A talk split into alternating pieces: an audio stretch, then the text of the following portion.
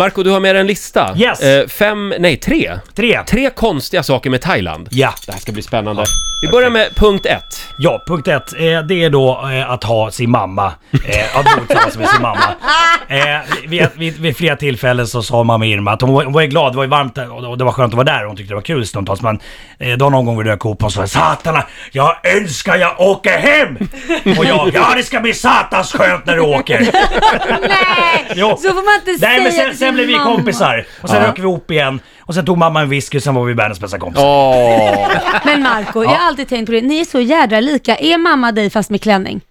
Ja. Eller du mamma utan Ja, hon är klänning? fan tuffare än vad jag är. Ja, okej. Ja. Lite mer siso på henne. Ja, verkligen. Men alltså, eh, ett tips bara, nästa Ja. gång. Ja.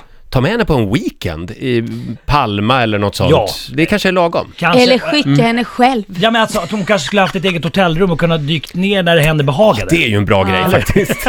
Kunna stänga om sig. Precis. Punkt två. Yes, det är då...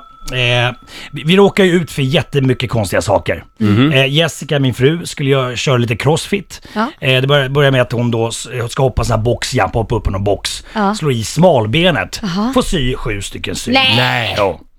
Eh, och sen har vi då eh, Majken, eh, våran ett och ett halvt åring. Mm. Eh, fick kräksjuka, kräktes i två dagar. Nej. Tills det började komma lite, lite blod i, i Ja, då kräket. blir man ju rädd. Så in till kliniken och därifrån så med ambulans i tre timmar till en annan stad, till något större Va? sjukhus för att de ville liksom Nej. kolla henne bättre. Och, eh, och jag var lite chockad, jag tänkte det här med, med blinkande tjutande ambulans så Ja. länge.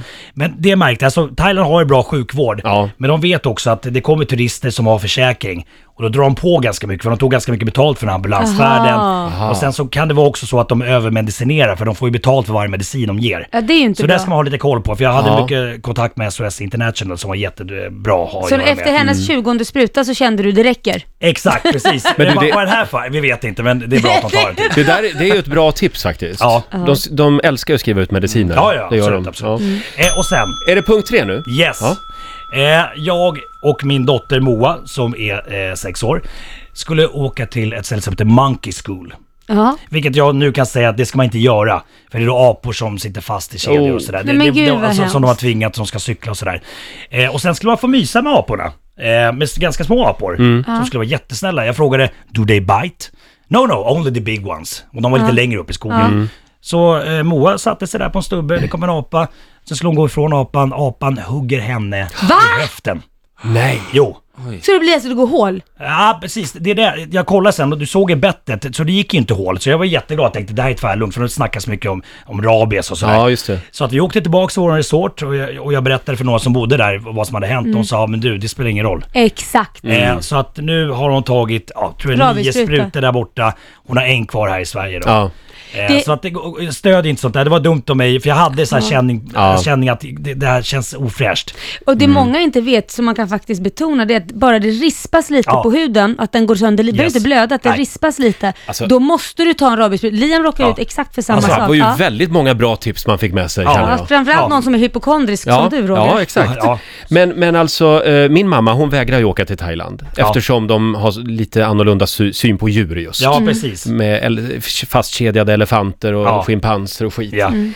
Ja, exakt. men då gör du inte om det. Nej. Nej. Jag, jag, har- sen har jag... En bonus? Ja, en bonus här. Bonus eh, tre Eh, och en halva. Exakt, och det, det är också att eh, i Thailand finns det mycket skumma djur som gärna Ja. börjar, börjar låta tidigt på Har du spelat in i mobilen?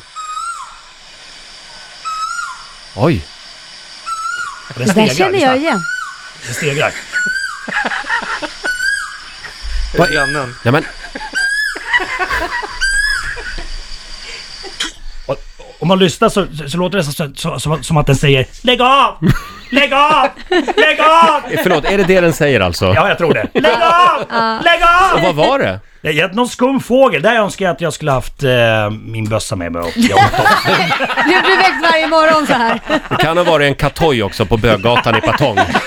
Men, eh, men då tar man inte fram bössan. Eh, Marco, vi vill höra mer om Ta fram Thailand. ett annat gevär.